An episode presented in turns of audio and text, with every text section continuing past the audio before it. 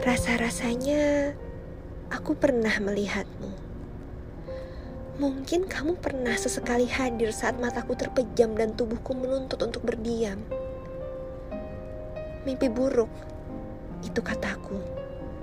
Padahal, jauh di dasar hati aku tahu, indah saja tidak bisa cukup menjadi kata ganti jika itu berkaitan denganmu. Dengan minar kelopak matamu. Rasa-rasanya aku pernah mendengarmu. Seperti bisik terdengar pada gerbong kereta Depok Jakarta yang kerap kutumpangi setelah senja tiba. Agaknya ingin kupinta Tuan Nyonya untuk tidak bicara. Tanpa sungkan, aku juga rela meminta kereta berhenti walau hanya sesaat saja. Demi mendengar suaramu tanpa diganggu resonansi yang memekakan telinga. Sayupmu tak akan cukup. Hatiku terlampau lelah berharap enggan berdegup. Rasa-rasanya aku pernah merasakanmu.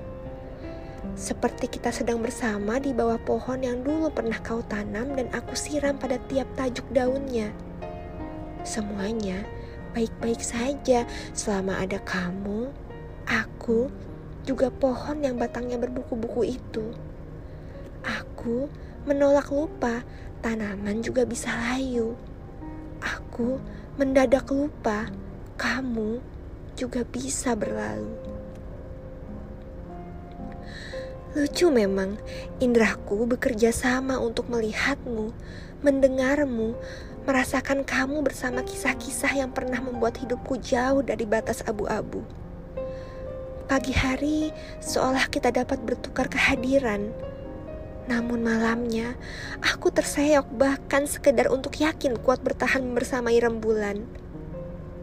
Lalu, saat hancurku sudah pada batas nyaris tenggelam, bayangmu akan singgah sebentar untuk pura-pura ingkar pada semua keadaan. Kamu datang untuk pulang, dan aku menunggu juga untuk berpamitan menuju dua rumah berbeda yang hanya sekedar dipisahkan satu ruas garis vertikal. Bernama suratan.